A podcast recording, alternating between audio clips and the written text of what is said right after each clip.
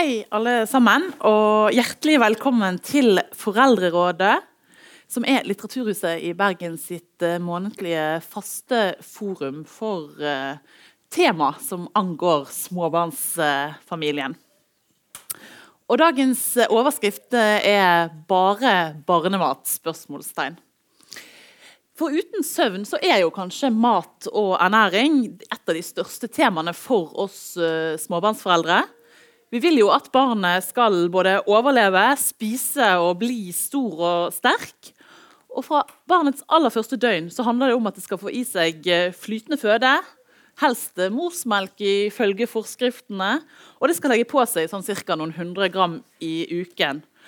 Og For oss som har vært der at et uh, lite, lite, barn ikke legger på seg, og man må veie og kontrollere etter hvert eneste måltid, så vet man hvor oppslukende dette med mat til baby blir. Og en er stadig bekymra for at barnet får i seg nok melk eller morsmelkserstatning. Og lettelsen er da tilsvarende stor når man oppdager at barnet er på rett spor igjen og vokser og trives, fordi man fant en eh, løsning. Men med barn så kommer det jo alltid nye utfordringer rundt eh, neste sving. Og I permisjonstiden så har man jo kanskje tid til å lage moste søtpoteter og fryse ned i sirlig danderte smaksporsjoner og gi barnet en skikkelig introduksjon til grønnsakenes næringsrike verden. Men så kommer jobb og kanskje et barn eller to til. Og da er det ikke alltid like lett å lage sunn mat samtidig som man har et barn som henger i bukse- eller skjørtekanten og er trøtt etter en lang dag i barnehagen. Og det kan være lett å ty til lettvinte løsninger bare for å få logistikken til å gå opp. Men de færreste av oss vil jo at ungene skal leve på en diett av pølser og pasta og ketsjup. Vi vil at de skal spise noenlunde variert og sunn mat, men så er vi i en tidskvis, og kanskje er det da matlagingen som må vike. Og Derfor så er jeg så glad for at vi i dag har fått med oss en eh, matekspert og småbarnsfar på laget. Uh, Ole Martin Alfsen, du er både kokk og kokebokforfatter. Og nå har jeg også lært at du er matkassegründer og vinprodusent. Ja. Uh, skal de også ha. Vin skal de også ha. Litt, litt seinere. Kommer tilbake om 18 år. akkurat den. Um, men i siste så har du også kjent på denne skvisen mellom hva slags ambisjoner man har for å servere god mat. Altså, og denne, når man har liksom denne tidsklemmen at man har full jobb og ja. det, har det litt eh, travelt. Uh, og du er snart aktuell med boken uh, 'Familiemiddag', mm. som nettopp er full av oppskrifter og gode råd for oss uh, smått desperate småbarnsforeldre som har intensjoner da, om å gjøre en liten innsats på kjøkkenet. for du har jo sjøl sagt i et intervju at småbarnstiden er full av logistikk og brannslukking. Mm. Og hvordan skal man da få tid til å lage gode måltider og matvarer? Det er litt av det vi skal innom denne timen. Men eh, la oss begynne med starten, da. Mm. Eh, hvordan var det for deg å begynne helt på scratch da, med en uh, ny baby som du skulle introdusere til uh, kokekunst? Nei, altså Det var en det, altså helt ny kundegruppe. Mm. som Veldig kritisk og veldig bestemt. så, og så er det noe med altså Jeg har jo vært Jeg begynner å bli en gammel mann. Så har jeg vært bonuspappa lenge. Mm. Og så skilte vi oss, og så ble jeg bonuspappa på ny. Eh, og så fikk jeg da Levi. Så jeg har, liksom, jeg har, jeg har levd med barn, eh, men da første gang fra tre år oppover, og nå andre gang også fra tre år oppover. Men da, det er første gang jeg skulle i, i gang med det fasen hvor de er helt bitte små. Og det var noe nytt. og Det er, liksom, når man, uh, det er et eller annet noe, som veldig sårbart med noe, et lite nurk uh, som du skal Du er ansvarlig for hva du skal putte inn i gapet på dem. Og så er det både det allergigreiene, gjør jeg et eller annet som er gærent og, altså, Alt, alt det jeg, jeg egentlig var veldig trygg på, det ble jeg egentlig veldig usikker på. Jeg ble sånn, Gjør jeg noe gærent nå? Er dette, er dette trygt? Og, er det trygt å stappe av det? Og, og erfaringen nå, i hvert fall etter to år, og etter å ha snakket med såpass mye folk som jeg har gjort, det er bare å gønne på. Altså, mm. selvfølgelig Vær forsiktig med det som er sånn allergifremkallende og, og liksom kan gi altså, hvor det kan være allergi, nøtter og alt dette. sånn, men, men eh, det er jo bare å gønne på. Eh, også, og ikke la seg knekke av den der motbøren du får, for du får jo motbør. Eh, ting kommer ut igjen. Ja. Eh, så, eh, men med lekent sinn eh, så, så er det bare å gi seg i kast med det. For det er ikke så innmari skummelt. Men er, og jeg tenker liksom, man har, hvis man klarer å ha et litt lekent og åpent sinn, så er det utrolig mye morsomt som kommer ut av det.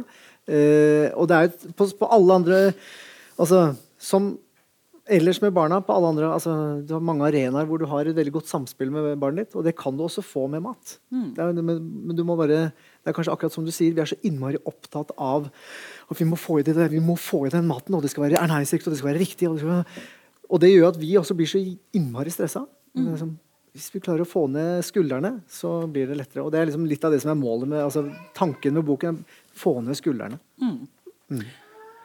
Men du sa at det var litt eh, utfordrende i begynnelsen. Hva var liksom de største Hva var de eh, Ja, hva utfordringer møtte du sjøl, da? Altså, han, altså for det første, Levi og, og de er jo så forskjellige, ikke sant. Det er jo, men Levi han ville, han ville ikke Altså, han vil bare ha pupp. Uh, og det kan man jo forstå. Det, det og det er det de skal ha også. De er veldig glad i det. Uh, eh, men, eh, så, men grøt og alt mulig annet Han, var- egentlig han var veldig eh, lite interesse for, for mat. Og, og allerede der så begynner du å lure på om det er noe gærent. Er noe gærent med meg? Er er, altså, jeg, folk pleier å like det jeg lager, liksom. Eh, men eh, Og da blir man lett litt noen eh, altså, motivasjonen får seg en knekk, da. Altså, og, så eh, Men så er det det å da ikke gi opp, og så bare prøve å se hva er, hva, er- men er det noe han liksom responderer positivt på. Og frukt var i hvert fall det første han eh, begynte å interessere seg for. Ja. Og vi prøvde med sånne bitekluter, og sånne, sånne eh, på å si, som du putter frukt inn i, og så kan de sitte og sutte på det. Og det, og det å liksom gi han moden frukt, og sånne ting, det, det var det som begynte å løsne. Og da skjønte jeg ok, hvis han skal få i han grøt, så må jeg ha noe oppå grøten. Og da må jeg gjøre noe, så fris, noe med friske bær og sånn, som jeg da fikk most. Og det var nøkkelen. Etter å ha da, jeg vet ikke hvor mange tonn med grøt jeg har kastet, liksom. Eh, Hirse og bokhvete og gud, det fløy veggimellom. Det var eh, så Men eh, det, det, det løsner. Og det er liksom bare å følge litt med og så prøve å finne den nøkkelen og hva som funker. Eh, og så er det jo nå altså Det er jo én ting, det er starten. Og så er det jo nå Nå er han jo to. Eh, Ja. Og det kommer liksom nye faser hele tiden, føler jeg.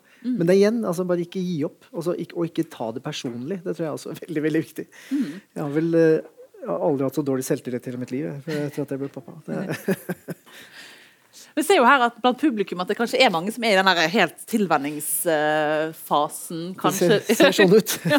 Men har du, og du nevner det med liksom frukt og så det andre sånne helt sånn praktiske råd til deg når man skal liksom over fra melk til da, ja, fast føde? Uh, ja, rent, rent praktisk? Eh, nei, altså jeg uh, Ja. Eh, igjen, hvis man finner noe som de, uh, som de kikker på altså hvis man, altså det er utset, altså Prøv å utsette for mest mulig smak. I hvert fall det jeg, alle de jeg har snakket med underveis i prosessen med å lage boken også. For jeg har snakket med mye fagfolk uh, for å få litt kjøtt på beina. Og det er liksom bare, bare utsett de for alt mulig rart. Prøv å la, også se hva de da responderer på. Hvis det er noen, noen ting de liker, så bygg ting rundt det. Uh, hvis de liker potet Levi spiser fremdeles ikke potet. Han er to. Han rød, er ikke snakk om. Eh, han smaker av og til, og det går rett ut igjen. Eh, så, men, men, eh, men liksom, finn de tingene som de kan respondere på, og så prøv å bygge det rundt det. For hvis de liker en smak det, og venner seg til den, så er det lettere å bygge smak, altså, legge på en smak i tillegg. da, Når de får for eksempel, Hvis det er potet de liker, eller om det er gulrot.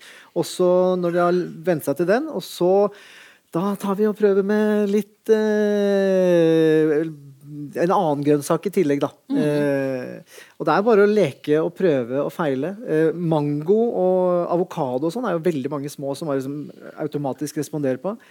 Levi spiser fremdeles ikke mango og fremdeles ikke avokado. Det er helt, altså, igjen sånn helt uinteressant. Og det, er- det er akkurat det som er så frustrerende. Du kan lese så mye om ting som funker for én, og så er det, funker ikke for de andre. Så det er noe med å man må, jeg tror man bare må igjen lete og leke og, og gå inn med det eh, med, med litt sånn åpent syn, og igjen ikke la seg knekke. Eh, jeg tror eh, noe av det som jeg altså Hvis man tenker hva, hva barn liker, da, eh, sånn instinktivt, som vi vet sånn rent fysiologisk, smaksfysiologien i det, er jo altså Vi er bygget for å like sødme og umami. Det er det, og, det er altså kan, man si, Hva kom først, høna eller egget? Er det fordi morsmelken er så rik på sødme og umami? For det er den jo. Altså Morsmelk, sødme og umami. Det er det den inneholder eh, eh, av smaker. Og så, så det er klart at det er vi jo bygget for å like. Eh, så hvis man da er smart og prøver å bygge det også opp rundt ting som er umamirike og har en viss grad av sødme, og som ikke er så kantete i smakene, så er det også en fin måte å jobbe seg inn på. Og, det, og som også var litt av poenget når jeg skjønte at Levi han sliter med altså han, jeg, jeg, finner liksom ikke noe knagger å henge det på. Um, så jeg begynte å koke kraft. Uh, og, da, uh, og det responderte han veldig på. Og kraft, god kraft fra bunnen av, det er Uh, masse umami. Mm. Det, er liksom, det, det, er en umami-rike munnfølelse som du kan få av soyasaus. For eksempel. det er liksom det samme som du får i kraft. Og samtidig som du får den litt sånn gode, gelatinøse munnfølelsen som du får av bein som er kokt når du bryter ned gelatinen i beina, så er det noe de responderer, veldig positivt på. Det er godt for munnhulen. Det er, liksom, det er noe de fleste liker. Og da kan du også leke med det å ha i uh, Jo mer grønnsaker, og spesielt av røtter og harre, uh, desto søtere blir den. Eh, så da kan du også leke deg, og da kan du begynne å koke kraft og introdusere grønnsaker på den måten. Så jeg prøvde også eh, det vet jeg fungerer for en del, å koke grøt med kraft. Mm. Uh, så jeg prøvde det på Levi også. Det funka heller ikke. så det tok lang tid før han likte grøt. Men, men, kraft, altså. Kraft er liksom nøkkelen. eller i hvert fall mye av nøkkelen for meg. Og den dag i dag også. Altså, kraft er min livbøye. Mm. de periodene han spiser veldig lite også. Kraft det får jeg alltid igjen. Mm. Og det drikker han. Ja. Mm. Du nevnte dette med smaksfysiologi og sånn. Det er jo veldig interessant, for du har gjort en del research på det. da. Og så ja. sier du også liksom at læringsprosessen den begynner ikke når barnet er født, den begynner allerede inni mors mage. da. Ja, det er, eh, ja. ja. Det er veldig fascinerende. Ja. ja. Og det, jeg har jo hatt noen teorier om det før. Eh, eller eh, og det fikk jeg da bekreftet, for jeg snakket med en forsker på Nofima, som er spesialist i, eh, på eh, barnas smakspsykologi og fysiologi, og gjør mye forsøk og tester med barnehager rundt omkring. Eh, og har forsket på det. Og hun, hun sa det altså de sier at de, de, viktigste årene Det er de tre første årene som er de viktigste for å legge det gode grunnlaget for å få gode spisere. Det er liksom, det er, de første tre årene er viktig. Um, det du ikke får gjort da, det, det, blir tyngre å få igjen, dessverre. Men dere er, eh, i hvert fall dere som sitter i front her, er, eh, dere har masse å gå på. Eh, men det hun sa også, de regner da fra unnfangelsen. Mm. Så allerede morgenen etter eh, så, så, må man passe seg. eh, eh, og det går på alt det du får i deg som mor, mm. ikke da som far, mm. under svangerskapet. Det er noe da de, Det får de inn. Det er smaker de venner seg til. Eh, som, eh, som, da også følges opp med eh, hva de får i seg så lenge de ammer. Mm. Alt kommer også gjennom morsmelken. Som da kan være forklaringen på at hvorfor eh, thailandske barn har en langt høyere terskel for chili enn det de fleste europeiske barn har. Mm. Eh, for eksempel. og måte de smakene som man har der. Det, de får det inn eh, med morsmelken, bokstavelig talt, og før det også.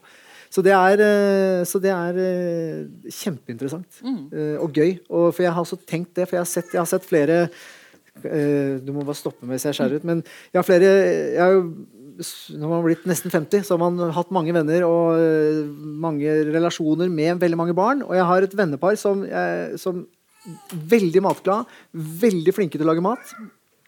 Lager veldig god mat. Eh, og så ble de eh, fikk, eh, ble, Hun ble svanger da med det første barnet deres. Og hun, ble, altså, hun var kronisk dårlig i ni måneder. Eh, hun var så kvalm. Det er sånn, sånn verste tilfelle av uh, ja. uh, så hun sa jeg er bare nødt til å ha mat som er lettspydd. så, hun, så hun spiste altså bare dritt. Veldig mye halvfabrikata i det første svangerskapet. Og det samme skjer på nummer to. Og de to barna er helt ødelagt. Eh, for å si det sånn. Altså, de, de, de, vil nesten ikke ha hjemmelagd mat. Men alt fra industrien, alle sånne knorrglass eller hva det heter for noe, altså sånne, alt som er industrielt Men Det er jo litt deprimerende, det er forferdelig, men det er, men det er det de vokste opp med. For hun spiste bare junk. Hun spiste uh, ferdigpizza, hun spiste burgere, hun spiste uh, spagetti med det, altså bare spagetti, kanskje med ketsjup, liksom. Så, så, det var uh, Så hun spiste ikke grønnsaker på ni måneder. Så må kanskje gjøre en helomvending for det løpet er kjørt? Nei, altså, da, da har du jo altså, Nei, jo, selvfølgelig. Og det er det som er fordelen også. er at uh, Man må ikke gi opp. da, altså, hvis du, Min søster har, altså, spiste heller ikke grønnsaker i ni måneder, for hun, hun fiksa det ikke.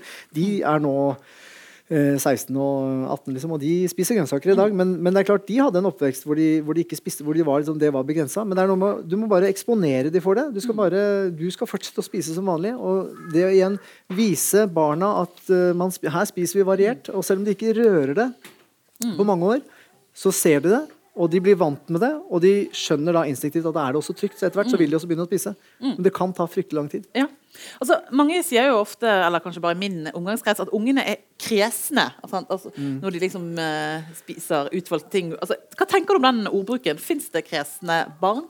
Jeg har litt problemer med den uh, uh, Jeg har litt problemer med å si at barn er kresne, men det er litt personlig. Tror jeg. Altså, men hvis man tenker på hvordan man bruker ordet kresen ellers, eh, så handler for, for meg så handler det mye om at du har, du har et ganske bevisst forhold til det. Og du er, du er kresen fordi du sånn jeg, har, jeg har hatt kresne gjester på restaurant mm. fordi de, er, de har vent seg til et høyt nivå. De er eh, altså sånn de, de, de, spiser ikke hva som helst mm. eh, fordi de er kresne. De har, de har De er godt vant, da. Eh, men ofte så er det den kresenheten eh, som, eh, som, barn kan liksom få som stempel fra foreldrene fordi de bare ikke vil spise. Da handler det mer om særhet for min del. Altså, hvis du skjønner definisjonen. Er, men uansett hva man kaller det, så er det noe man skal ta på alvor. Og det er kanskje det viktigste. Mm. Fordi eh, eh, er, ikke, altså, er, de kresne, så er det ikke bare fordi de er vanskelige. Eh, det som også har liksom, eh, og det har vært litt sånn øyeåpner for meg i forhold til å snakke med de jeg har snakket med, både innenfor eh, helsesektoren, men også da innenfor forskningen, er jo at den kresenheten og selektivheten som de har, den er, den er reell. Den kan virke helt, den kan virke helt meningsløs. Og, men, men for mange så kan det være fryktelig vanskelig. Og det er eh, ren frykt forbundet med å prøve å putte den erten i munnen. Det er, det kan bli, og Jo mer du pusher på, desto mer angst kan de få av det. Altså det er traumer, rett og slett. Mm. Som gjør at de kommer i hvert fall ikke til å spise erter på de neste 20 åra. Mm. Så, eh, så uansett hva man velger å kalle det, så, så, det, så skal man også ta det på alvor. Mm. Men jeg, liker, jeg, personlig liker ikke å si at et barn er kresent, fordi eh, kresen handler egentlig om noe annet for min del. Da er du, liksom, da er du, du, er, altså jeg, jeg, du er kresen, jeg spiser ikke jeg spiser ferske maiskolber, men jeg er så kresen at jeg spiser ikke hermetiske. Du skjønner? Da er, da er det greit. Mm. Så det, det, er en sånn form for kresenhet jeg uh, ja, ja. opererer med. Skjønner. Mm. Men nå, skal, nå, er jo du opptatt av at vi skal ha lave skuldre og, og sånn. Og, og, men hva, hva, er det liksom som uh, i sånne tilfeller da, der man opplever at ungen ikke ja, ikke vil prøve så mye. Hva, hva er liksom fallgruvene? Hva er det ofte foreldre gjør feil, da, som uh, gjør at man ikke får altetende barn? Uh, nei, altså uh, Skal vi tro forskningen, da, mm. så, så, er det og, og, hvis jeg skal gå på meg selv, hva jeg også har holdt på med i, i forhold til min oppdragelse før, da, mm. er jo at jeg vi pusher for mye på. Det er jo én mm. ting. Altså vi, vi, altså vi, vi, igjen, vi må ta det litt på alvor at de er uh, skeptiske. Uh, og, det er jo, og, det er jo, en grunn til det også. At de er det jo veldig ofte. Uh, som, så vi må bare fortsette å prøve. Vi må utsette de for så mye som kan. Vi må prøve å hjelpe de videre på samme måte som vi hjelper de med å ta de første skrittene. På samme måte som vi skal hjelpe dem med alt annet i livet også. så er dette her på en måte noe vi skal bare introdusere de for, og få de med på. Mm. Eh, så vi må være tålmodige, ikke pushe, ikke krangle. Ikke, altså, og prøve å må, gjøre måltidene til eh, en hyggelig setting. Mm. Eh, som gjør at det er noe de kan glede seg til. Eh, uavhengig om de spiser eller ikke. For det er liksom litt der eh, Vi kan eh, Det er litt sånn paniske som jeg har selv kjent på at ja, men faen, han spiser jo ikke, jo. Altså, jeg må jo få igjen noe. Unnskyld at jeg banner. Men mm. altså Det er ganske frustrerende, altså de der eh, periodene hvor de ikke spiser. Og det er noe med å ha litt is i magen og vite at det, veldig ofte så er det grunner til det. Altså, med Levi så har det ofte vært tenner. Altså, sånn, ok, det kom tenner. ok, Selvfølgelig, han har ikke spist på to uker fordi det var, kom de jekslene bak der. Uh, kanskje ikke så svær, men altså, det, det, har mye å si for de, hva de vil putte i munnen. Da. Eh, og da har vi også lært oss å liksom, tolke de signalene på hva som, også, hva som skjer når det kommer tenner. Og så er det andre ting. Det er også perioder, det er helt normalt at de har perioder hvor de ikke spiser. så Eh, og det å da Hvis man blir tatt av den frustrasjonen eh, og begynner å liksom pushe på og ville og ville for mye, så får du ofte gnisninger som, er, eh, som, som bare gjør vondt verre. Mm. Så det er liksom Ta det med ro. Det ordner seg. Eh, spiser han ikke nå, så spiser han etterpå. Han dør ikke. Og Det har vært et fint mantra for meg også i, i, forhold til alle de samtalene vi har hatt. Da En tidligere barnelege på Ullevål eh, som da sa to uker to uker kan et barn gå uten mat så lenge det får drikke. Uten å dø. Og det er veldig fint å vite. det har vært øh, øh, okay, skal, Kan man ikke pushe den, eh, men, men allikevel, det er, og det er, det er, fint å vite det. Mm. Mm. De dør ikke. Nei. Mm. Men uh, jeg vet ikke om jeg klart å være i to uker. Altså, hvis du opplever det på en måte at, uh, å prøve noe nytt, og, men ungene liksom vil ha det der faste gamle som fiskekaker, pastakjøttet, så er jo det, går det lett å liksom ty til det da, i en travel hverdag. Hvorfor, mm. hvorfor skal vi ikke det? Nei, men de, uh, Det er jo noe med vi er, vi er nødt til å igjen, er, Dette er vår oppgave å hjelpe de inn i et univers. Mm. og jeg tror nok vi voksne altså jeg tror vi må prøve å se litt oss selv i samme situasjon også. Først se hvordan, hvordan var du som barn, eh, eller hvordan var jeg som barn.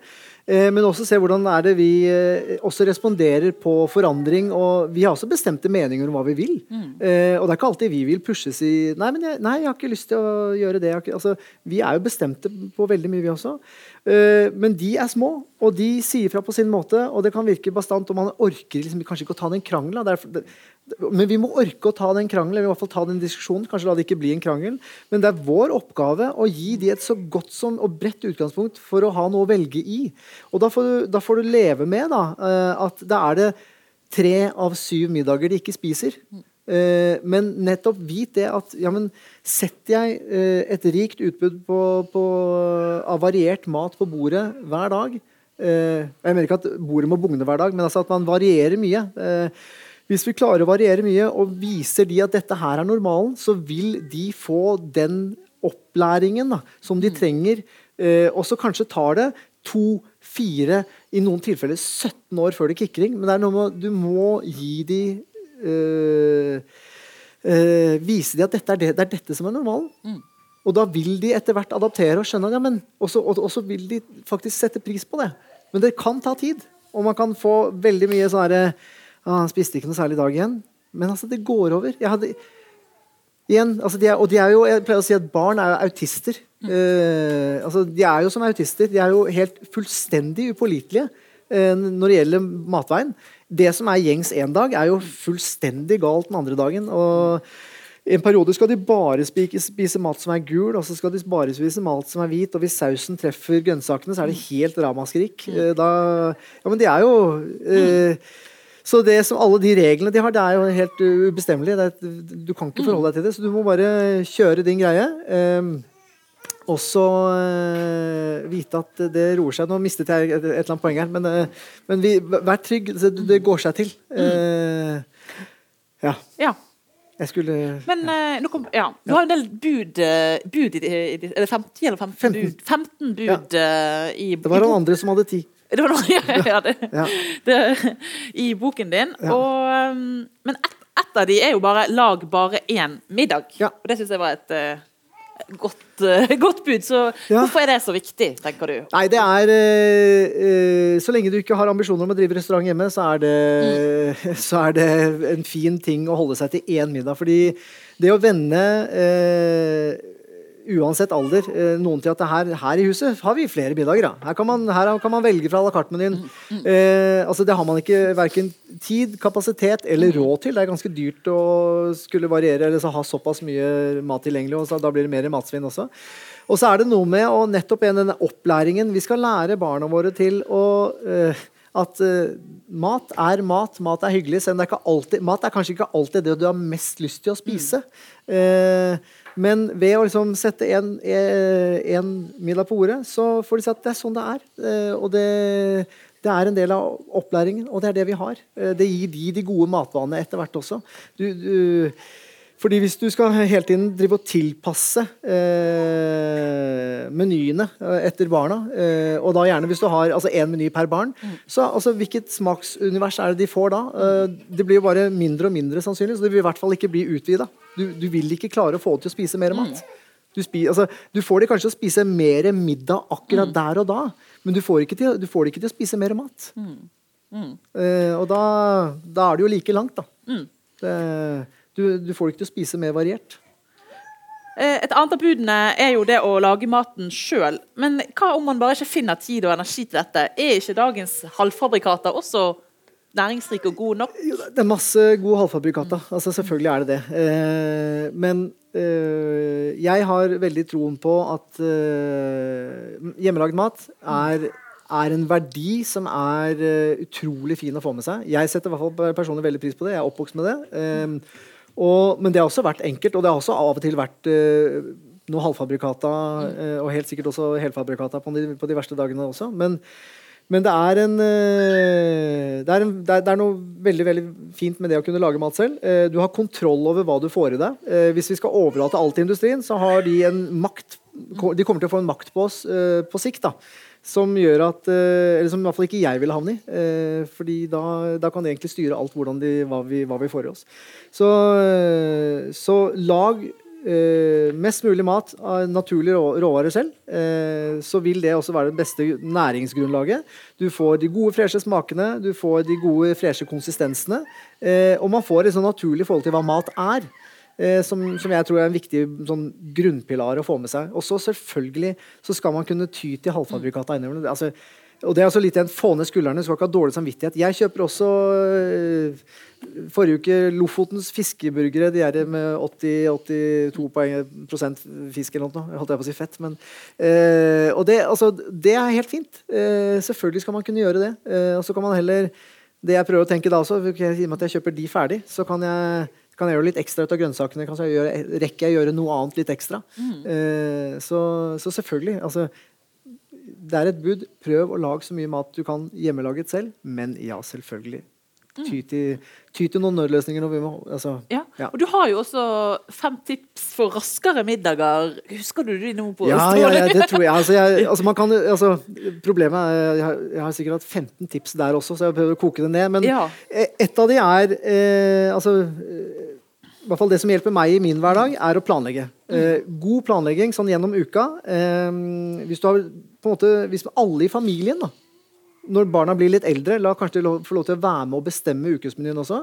Så at de har litt eierskap til det. Og så planlegger man middagen. Man setter opp, og kanskje skriver den opp på en tavle også, som henger på kjøkkenet. Da vet alle hva som er eh, middagene fremover. Eh, og så må man da storhandle eh, frem til det. Eh, for hvis du har ting tilgjengelig, så så, så, er det også bare å dra hjem, og du vet hva du skal gjøre. Du slipper å liksom bekymre, altså, bruke tid på og krefter på det. Og du slipper å dra innom butikken hver eneste dag. Mm. Og det er bare sånn eh, referanse til det i forhold til det matkassegründerskapet. Der satte vi oss veldig inn i dags... Eller eh, nordmenns hverdag. Og nordmenn er de som er flest ganger i butikken gjennom mm. uka. Eh, fire og en halv gang. Og det betyr at uh, Selv om du bare kanskje en dag er innom ti minutter, så er det veldig ofte opp mot halvtimen. Det er ganske mye tid. På den halvtimen så rekker du faktisk å lage maten mm. hvis den er hjemme. Ja. Så det, Hvis du har liksom handlet de grunnpilarene og så kanskje du bare stikker innom og handler fisken, så at du får den så fersk som mulig på onsdag, så har du, uh, så har du i hvert fall da, da, ligger rammene der mye raskere. Mm. Eh, og da kan du også, igjen hvis du er veldig flink til å planlegge, så kan du la, så la liksom, ukesmenyen trekke noen veksler mm. på Ok, vi skal ha ris til, uh, til uh, kyllingen der. Mm. Koke litt ekstra, så vi kan lage stekt ris med laks på torsdagen. Altså at man også at man la, bevisst lager rester. Altså, eh, og bruker det som en altså bruker rester også for å komme seg videre. Altså for å få nye middager. Og igjen, har du rester i skapet, så er det også noe som eh, raskt gir en eh, litt sånn på hæren-middag. Mm. Istedenfor å kjøpe den der fiskegratengen frossen som allikevel skal stå 35 minutter i, nei, i ovnen, ikke sant? så har du så kan du bruke de for å lage en kjapp suppe, f.eks. Eh, Spe på med litt andre, andre grønnsaker. Blomp, ferdig suppe. Så, mm. så bruke restene. Det er en annen, annen tips. Eh, eh, hva mer er det vi har, da? Eh, Var det noe med å lage maten dagen før? Ja. Eh, begynne dagen før eh, er eh, Og det, det, kan også høres helt utopisk ut. Eh, jeg mener, det er nesten så jeg kan tenke at nå er masse Se på meg, snobb, idiot. Det er ikke mulig. Men det er, altså hvis man prioriterer, så er det mulig. Og jeg har hatt mange ganger hvor jeg liksom tenker åh, skal jeg orke? Og så ja, jeg gjør det. Og så er det liksom 20 minutter på kjøkkenbenken etter at uh, kidsa er i seng. Og så har jeg liksom løst alt for middagen dagen etter. Så er det bare å sette det enten rett i ovnen når jeg kommer, uh, når jeg kommer uh, hjem fra jobb. Eller, som jeg også har begynt å gjøre mye mer og mer, sette ting i ovnen idet jeg går på jobb. Mm. Og det er altså, for eksempel, litt sånn Kjøpe et stort stykke svinenakke, for eksempel. Jeg skal gjøre det i morgen, uh, har jeg planlagt. Og da er det krydder jeg den i kveld. Bare sånn diverse krydder på den. Tar plastoveren, setter den i kjøleskapet. Og så i morgen tidlig klokken syv når vi står opp, så er det inn i ovnen på 85 eh, grader. Og så står den der gjennom hele dagen. Når vi da kommer tilbake klokka fire, uh, så er det bare å rive fra hverandre. Så har du pulled pork, mm. eh, som alle spiser, selv med små tenner. Eh, også med da noe tilbehør til. Jeg har ikke helt bestemt det ennå. Men det er sånn en måte å liksom, nå runde noen hjørner. Eh, det jeg også gjør eh, tidvis, f.eks. hvis jeg skal Uh, vet at jeg skal ha røtter eller poteter. Jeg skreller og gjør sånne ting klart. Har de kaldt vann i kjøleskapet, og så er det bare å ta det ut og sette det på komfyren. Og så bare koke det opp mm. med røtter og grønnsaker. Altså, eller om det skal inn i ovnen. Altså, ja. For det er det der, Sette i gang med den skrellingen og sånn, mm. når det er armer og bein rundt deg, og, og de slåss eller de krangler, mm. og så er det noe med å bare uh, du, har, du, du har, spart et kvarter, og det er så utrolig verdifulle minutter. Mm. Så, så, ting i forveien er eh, viktig. Eh, og så husket jeg en annen ting, men nå har jeg glemt det igjen. Men eh, jo, lage store porsjoner. Mm. Eh, altså vært en sånn, er en livøy Hvis jeg lager et eller annet som skal koke, altså, om det er en eh, bolognese, om det er en eh, blomkålsuppe som jeg kokte her for noen dager siden om det er, altså, Eller uansett suppe. Jeg koker alltid mye mer enn jeg trenger. Eh, og så fryser jeg. Mm. Og det er så genialt. Det å liksom bare Shit, hvordan er din dag i morgen? Ja, jeg, jeg har møte til klokka fire. Å ja, det er jeg. Så, hvordan skal jeg Ok. Ah, ned og hente en eh, livredder i fryseren, og så bare ut en boks med deilig kyllingsuppe, og så får den lov til å tine over natta, og så koke opp. Mm. Så er det Det er altså gull verdt. Mm. mm. Men jeg, føler liksom at du har noen sånn ekstra skills enn oss, siden du tross alt er kokk og proff i dette her. da. Men, kan, altså, noen, men, du skriver jo selv også om den der, det du er inne på litt sånn vargtimen, og det er liksom sånn mellom fem, eller fire og fem, når man liksom kommer hjem fra middag og unge, alle er slitne. Altså, ja. hva, andre, hva andre enkle retter kan vi få til å lage? Ja, sånn i, i, forhold til vargtimen, tenker du? Ja, ja, ja matlaging i vargtimen. Ja, for den er, den er seig. Altså, altså, så fort de kommer i barnehagen Og én ting er at barna er slitne, men du er også sliten selv òg. Mm. Uh, så du, du, du, du, tåler jo ikke så mye selv. Ja. Så du, skal, du, er langt mer påvirkelig for den der maset fra barna, mm. og, og, når de får sin breakdown, liksom, sin mm. meltdown. Men det er jo altså i forhold til hvis du Altså for å få barn, si det, for å få barn til å spise, det er den viktigste ingrediensen. Gå sulten til bords. Mm. Det er eh, og det, i forhold til den vargtimen, der, der, skjer det ofte veldig mye rart. Eh, fordi barna er litt slitne etter eh, barnehagen. Og så er det ofte man tenker ok, de skal kanskje bare ha seg et eller annet å spise. Eh, for de må trenge å få opp energien igjen. Og så, eh, Men selv om det da er den siste halve skiva de ikke spiste i matpakken, så er det plutselig nok til at de ikke er sultne før eh, før klokka seks. da, mm. ikke sant? Så, så da, det, da, har du liksom på en måte du har skutt deg i foten litt. Mm. Så da er det noe med, Men så må de kanskje ha noe, men det er i hvert fall prøve å gi dem noe som tar tid å spise. Og som ikke fyller så mye. og sånn Rene, konkrete tips fra helsesøstrene som jeg snakket med, var jo sånn så lenge de har tenner. altså Rå gulrøtter, rå kålrot, eple. altså mm. Ting som, er, liksom, som det er litt sånn å gnafse på, uten at det liksom fyller opp magen, og som de ikke liksom gidder som kan hive innpå. Eh, og i hvert fall ikke i de søte ting. Eh, og da mener jeg ikke bare sånn sukker, men det skal man selvfølgelig i hvert fall ikke gjøre. Men eh, sødmefull, eh, sødmefulle ting tar veldig mye av appetitten. Så heller ta fylle på med noe som er frisk, sånn som eple, som er litt mer eh, syrlig. Eh, det skjerper appetitten, eh, samtidig som det kan gi litt, eh, litt vondfyll. Og så eh, Og så eh, er det egentlig bare å eh, også finne da ut fra hvor vi er, eh, og igjen også finne rytmen i familielivet. Altså nettopp det hvor, når altså, Levi, for eksempel, de spiser klokka to i barnehagen. Han er ikke sulten klokka fire. Han er ikke sulten klokka fem som regel heller, for da har han, han har spist. Så det tar litt tid. Så hvis man da sitter og stresser som bare juling for å få mat på bordet til klokka halv fem, og så er egentlig ingen sultne, eh, så kan man altså tenke Men må vi, må vi servere altså, kan, vi ikke, kan vi ikke ta den Kanskje man skal få den halve brødskiva på veien hjem, så spiser vi heller klokka seks. Og så kan man si at noen For noen så passer ikke det, eh, fordi barnet mitt er stuptrøtt klokka halv sju, så da må de i seng. Men, for, altså, men det er akkurat det, man må finne der, eh, sin egen rytme. Altså, og, det er, og det er ganske individuelt. Ja. Eh, Så ikke føl deg tvunget til å gjøre sånn som alle andre gjør, men prøv å heller finne ut av hvordan passer det best for oss og våre barn. Det er, eh, så tror jeg du også kommer Ja. mye lettere gjennom valgtimen. For det er, mm. Og problemet er jo oss ofte, at eh, fordi vi er slitne også, så har vi så innmari mye mindre to- toleranse for de smås eh, gneldring. Si sånn. Absolutt. Ja. Og Det bringer meg over på eh, neste, neste tema. For jeg husker at jeg et år eh, hadde meg og min mann som eh, nyttårsforsett at vi skulle lære barnet vårt eh, bordskikk. Og det tror jeg kanskje var fire-fem år siden. men Jeg vet ikke hvor godt det har gått. Men, men hvor, viktig, hvor viktig tenker du det med bordskikk? og det at barna skal, altså Mange barn vil jo liksom løpe fra bordet med en gang de er ferdige. Men uh, hvor viktig er bordskikk? Altså, eh, når de er helt små, så er det jo liksom eh, så, så, så blir det litt feil. Altså, du, skal ikke, du skal ikke tvinge en eh, halvannetåring til å sitte rett eh, på stolen. Eh, eh, nei, du får ikke gå fra før du har spist. Altså, det er klart, du, du, må, du må se, du må, de må skjønne de må, de må kunne forstå begrepene. Altså, de må kunne forstå hva ting går ut på. Men, eh, men, men eh, at de får inn bordskikk er jo viktig. Altså, både for det å te seg hjemme, men også det å møte ute blant folk. Eh, Når de blir eldre, så er det viktig at man får lært seg en del sånne grunnleggende grep. Og jeg tror også det har noe med sånn som uh, Levi på to nå. Han, han sier 'takk for maten'. Uh, eller han sier 'gakk'. Akk-maten. Eh, og det funker for meg.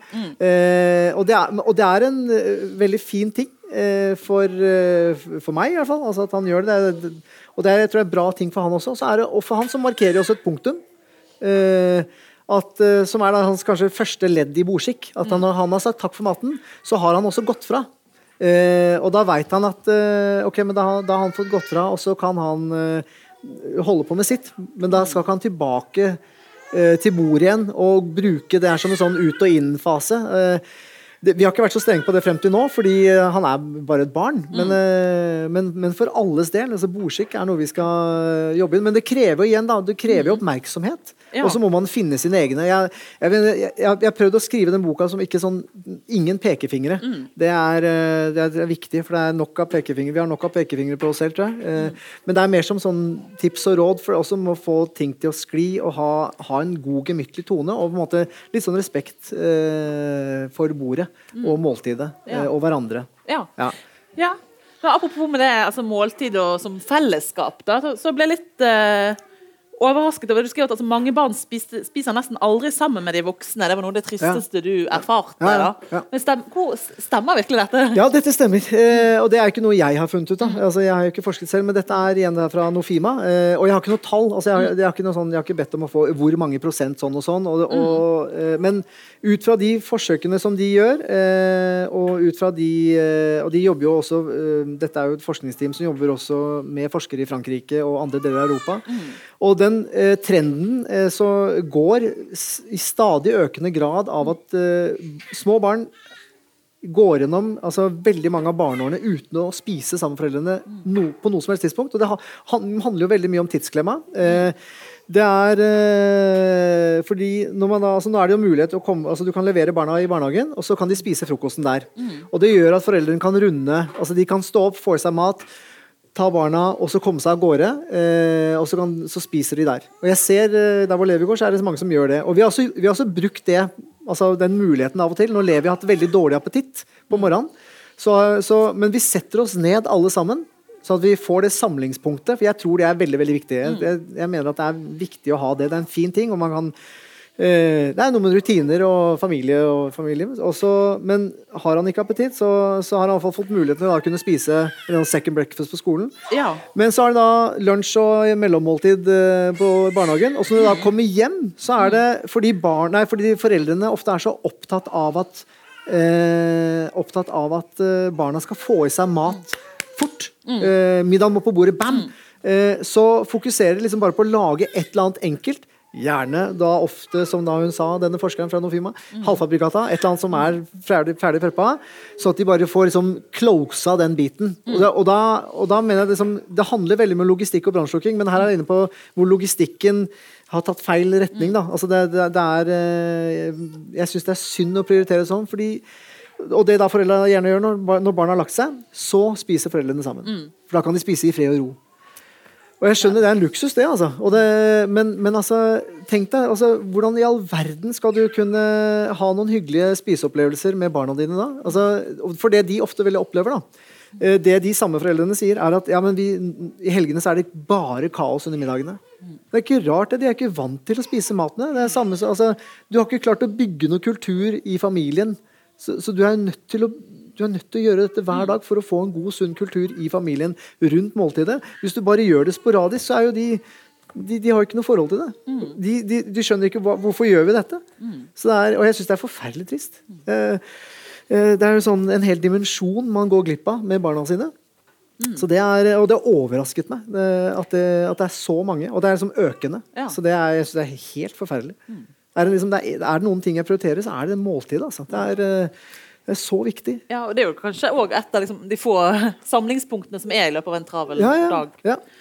Um, og så tilbake til etter, altså et av budene dine er jo det at det er lov å spise lite. Men som vi har snakket om, så er jo nettopp det som gjør oss småbarnsforeldre så desperate, for at ungen må jo få i seg mat. Uh, og så, du hadde noen sånn praktiske råd. Hva kan man gjøre hvis man tenker at man har et barn som spiser lite? Altså, ja, for det er jo sånn skummelt, dette her, eh, og det er sånn, eh, litt sånn mine, eh, minefelt ofte. Altså, mm. Fordi har man Altså, no, noen barn er jo veldig småspist sånn generelt. Eh, og eh, et tips, altså det man bør i hvert fall passe på hvis du har småspiste barn, eh, og også i de periodene hvor man ser at de spiser lite, så tilby mat ofte. Eh, det er så at de har muligheten ofte. Eh, det er viktig. Og så er det eh, med småspiste barn, eh, og da barn som spiser lite i perioder, sånn som elever, det er ekstremt viktig at du tilbyr bra mat. Altså De måltidene som da tilbys, de skal være bra. Eh, eh, du kan si sånn, hvis, hvis du har et barn som spiser mye, eh, og spiser veldig bra til mange måltider, eh, så, eh, så er det lov å kose seg. Altså, da er det lov å spise litt is og en kjeks, og ikke hverdag, selvfølgelig, men altså, det er lov, da skal det være lov å kose seg. Jeg er veldig tilhenger av å kose seg. Men, men, eh, men hvis, de er, hvis det er begrensa hva de får i seg, så er det viktig at den, de får, den maten de får i seg, er næringsrik. Så det eh, og, og det er jo det, det er der ofte det også går galt. Da. De er, eh, Når foreldrene begynner å tenke ja, ungen må jo få i seg noe. Eh, og hvor de da tilbyr den der brødskiva, eh, kanskje til og med med Nugatti eller ha på eller et eller annet sånt noe, eller i verste fall bolle eller vafler. altså et eller annet, altså, Det må jo få i seg noe. Eh, og er det, hvis de er småspiste, eh, så, så er det én ting de nesten alltid uansett vil spise, så er det søtt. For det er jo det igjen det, det, hva er vi programmert til å like? Så selv om de ikke egentlig har appetitt, så spiser de gjerne søtt. Eh, Så da spiser jeg egentlig ikke uten å ha lyst til det, og da ødelegger det også appetitten til neste måltid, som kunne vært bra. da. Ja. Eh, Så det, er, eh, så det er ekstremt viktig å sånn, ikke da uh, ty til der, eh, de der eh, feil belønningene, holdt jeg på å si. Og så er det og bare sånn eget sånn personlig tips også. Det, eh, som jeg har vært min livbøye også. I de periodene hvor Levi spiser veldig lite. uh, kraft. Buljong. Eh, for da vet jeg altså, jeg altså Han spiser ganske normalt. Han har øh, men det er perioder hvor han spiser veldig veldig lite, og jeg, også jeg blir dritfrustrert sånn, og fortvila. Sånn, yes, men det jeg, Og vi snakker sammen, burde, burde, burde vi være bekymra nå, liksom? Men så er det igjen har han altså Er han i godt humør? Har han det fint? Virker han som han liksom er altså, Er han plaga? Eh, eller ja, ikke sant? Altså, så du må se an formen. og når vi, Jeg har alltid konkludert med at han virker jo fornøyd. Han er jo glad happy og han har energi. Ok, da er det ikke noe krise. Men da i hvert fall prøver jeg også å gi han den buljong, altså gi han en kraft, uh, tar og tiner opp noe kraft, og så gir han muligheten til å drikke noe buljong, for da vet jeg at da får han i seg uh, Det er som å gi de Ja, det er tran. Uh, altså. Det er veldig bra. Så det er en liten sånn livbøye der. ja.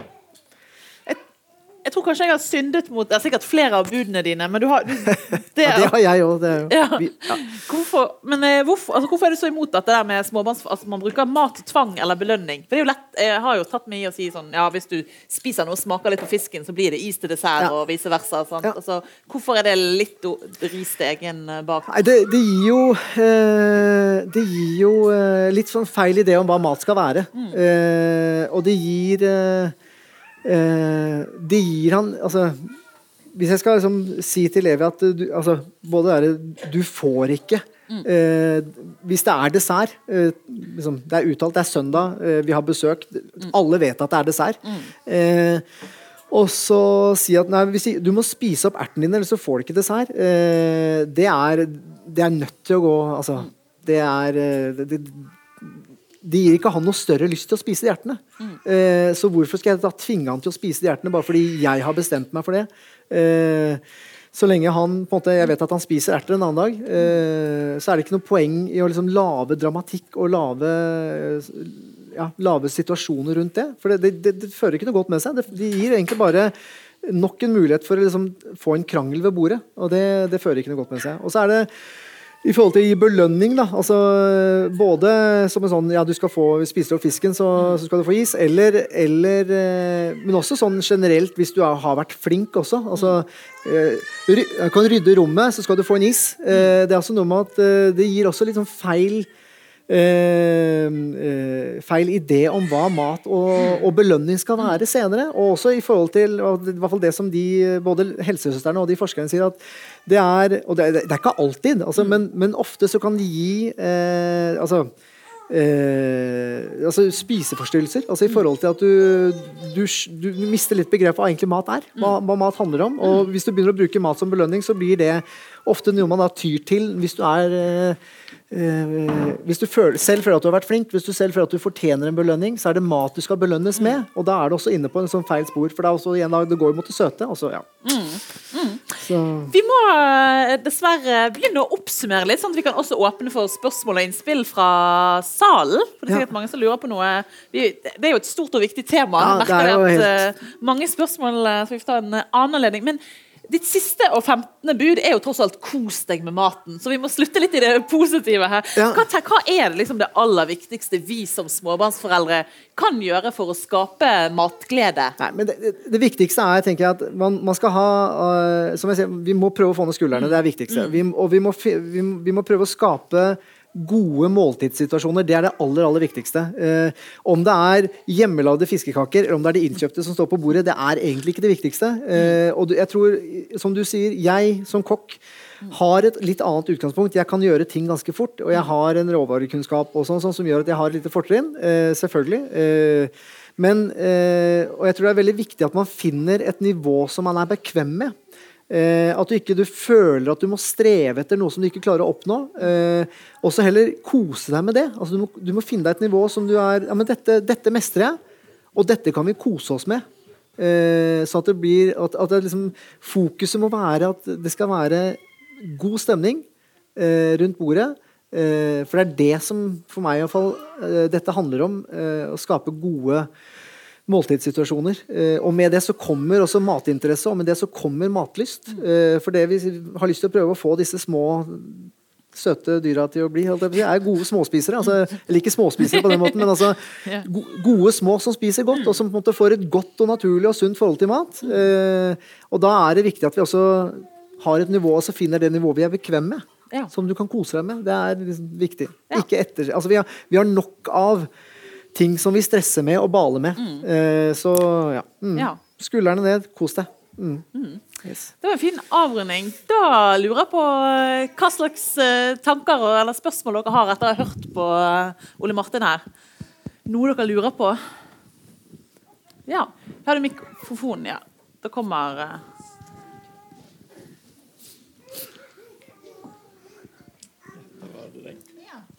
Nei, bare lurer på dette med kraft som du snakker om. Eh, det er vel, bruker ikke man litt salt og sånn? Er er, det, litt skadelig for babyer, eller hvordan? Eh, nei, det som er eh, salt Alle barn trenger litt salt. Så det er litt salt skal vi ha uansett.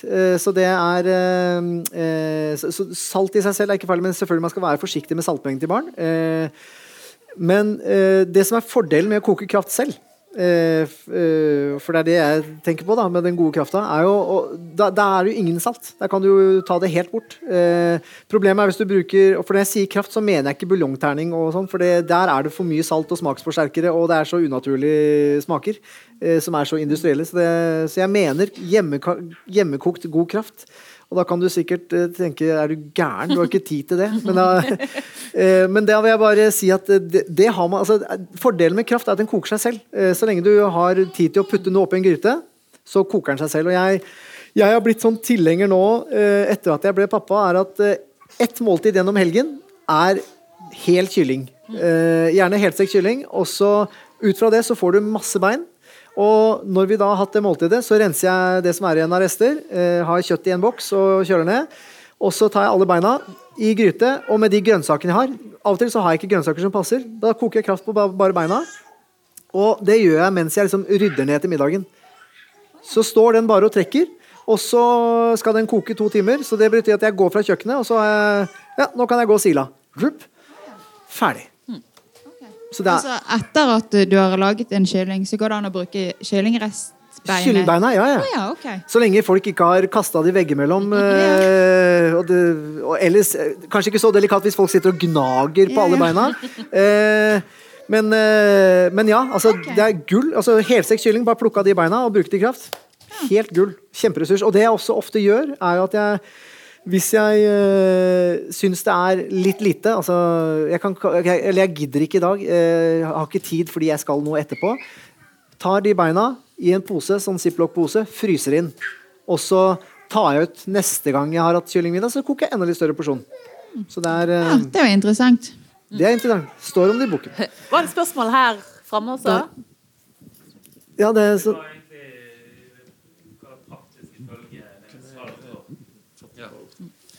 eh, hva praktiske følger det med salt for. For jeg og mor eh, vi, vi, setter lista litt forskjellig. Ja. Eh, ungene skal ikke få masse salt. Det betyr null salt mm. for mor. Og eh, litt salt. Ikke så litt salt, eller ikke, ikke forbud for eh, et halvfabrikat eller noe sånt. Fra far hvis halvfabrikatet ikke smaker salt. Ja. Altså svært salt. Altså jeg tenker pesto Eh, veldig salt. Eh, det gir jeg ikke. Men hvis noe ikke smaker salt, så syns jeg det er greit. Ja. Nei, altså det, ja. Nei, det, er salt eh, de, de, tåler litt salt, og skal, altså barn skal også ha litt salt. Er, uten salt så dør vi jo. Eh, vi er helt, kroppen er helt avhengig av å få litt salt. Eh, men, men, man skal være forsiktig. Men det som Og det altså det er veldig fokus på salt fra myndighetene nå, og det kommer bare til å bli mer og mer. og da er det viktig å tenke altså, eh, Som alt annet som kommer uh, i sånn masseinformasjon uh, som kommer ut fra staten, så handler det om de skal favne trender. Og trenden i Norge er at vi, spiser, vi får i oss altfor mye salt. Og det er ikke fordi vi som familier når vi sitter hjemme og spiser, har i oss for mye salt. Det er fordi forbruket går i at det er stadig mer eh, industriell mat vi spiser. Prosessert mat. Eh, og vi spiser også stadig mer chips og den slags type ting som inneholder mye salt. Eh, og det er grunnen til at vi, de sier et varsku på at vi må passe på saltmengden. Eh, så, så, hvis man spiser et normalt eh, sunt kosthold, basert da igjen på hjemmelaget mat, eh, så unngår man egentlig det problemet i forhold til salthysterien. Da kan man tillate seg å bruke salt. Og husk altså det at hvis du har sånn som jeg sier når du skal koke pastavann, så går det 12 gram salt per liter vann. Og det er en spiseskje per liter vann. Det er jo kjempemye. Du, du, du får ikke i deg alt det saltet. Det Mesteparten er jo igjen i, salt, i kokevannet. Så, så, så, men, men, ja, man skal passe seg med de små. Eh, men litt salt tåler de, og litt salt trenger de. Soya, for eksempel. Min sønn han elsker rå fisk, og det eskalerte da han skjønte hva soya var også. Eh, samtidig så har soya vært en døråpner for å få han til å smake på ting. For soya inneholder masse umami, og det er salt som de også da selvfølgelig liker. Så det å kunne for eksempel ha litt soya på en grønnsak, er jo sånn Men dette liker jeg jo! Så plutselig sitter han og hiver det innpå. Så, det er, eh, så, så man, må, man må ikke bli for rigid. Det kan du ta med deg hjem til mor og si at det- vi har lov til litt. Det var to spørsmål til Ja. før vi må avrunde her. Eh, Jeg lurte litt mer på det med kraft. eh, For eh, hvor tidlig kan man egentlig begynne å gi det? Kraft. Ja. Eh, tidlig. Eh, og de Altså, nå eh, eh, De snakker jo om altså, Og her kan du lese litt forskjellig, og, eh, og jeg føler litt at du får, du får nesten litt forskjellig type informasjon fra de forskjellige helsesøstrene og de forskjellige helsekontorene, men eh, det er, det er, altså, kraft kan du introdusere tidlig så lenge det er eh, salt eh, altså, Som du koker selv. da Så det, det, kan du, det er liksom nesten ingen begrensning. Så så jeg har, jeg har sett at folk helt, mener helt ned til fire måneders. Jeg prøvde ikke det med mine, og jeg ville ikke prøvd det selv heller. Altså men sånn fra seks-åtte, ikke noe problem. Mm, ja. yes. Eh, jeg lurte på dette med jern. Ja. Eh, når de når seks måneder, så trenger jo de jern. Ja. Og de ferdiggrøtene som vi kan kjøpe, de er jo tilsatt jern. Ja. Eh, hvis de ikke vil ha de, så sett på andre kilder til jern. Men du må jo ha så enormt stor mengde hvis du skal få tilsvarende det som er i disse grøtene. ja. Har du noen tips til hvordan får de nok jern? Eh, nei, det er eh, Altså, dette er jo ikke en sånn eh, en eh, Jeg har bare eh, I forhold til hvordan jeg har prøvd å bygge opp boka, så er det Så jeg snakket med fem forskjellige helsesøstre, og så har jeg Tanken var at jeg skulle prøve å favne veldig mye av dette, men så har jeg også skjønt at veldig mye av dette er jo egentlig det som helse, det er helsesøsternes jobb. Og alle går jo til disse oppfølgingsmøtene og diverse. Så jeg har fokuset mitt på, på disse tingene har, er ganske liten eh, i forhold til det. Men eh, hvis jeg hørte deg riktig, du, mente, du sa de, de ferdiginnkjøpte grøtene? Eller? jerngrøt. Ja, yes. Ja, altså da er det jo, eh, I forhold til veldig mange av de kornsortene som, eh, som anbefales til de små, så er det hisje og sånne ting, så er det jo veldig mye jern eh, som du kan, som du kan eh, benytte deg av. Eh, og i forhold til da også bløtlegge det, så at du får ut mer av jernet, eh, eller får frigjort det når du koker det, er også positivt, men ja. Mm.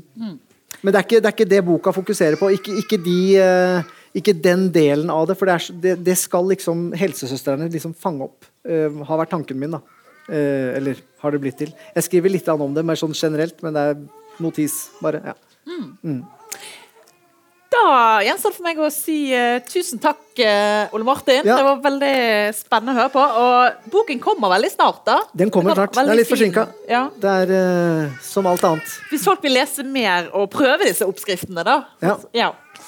Så takk til publikum også, og tålmodige barn, ikke minst.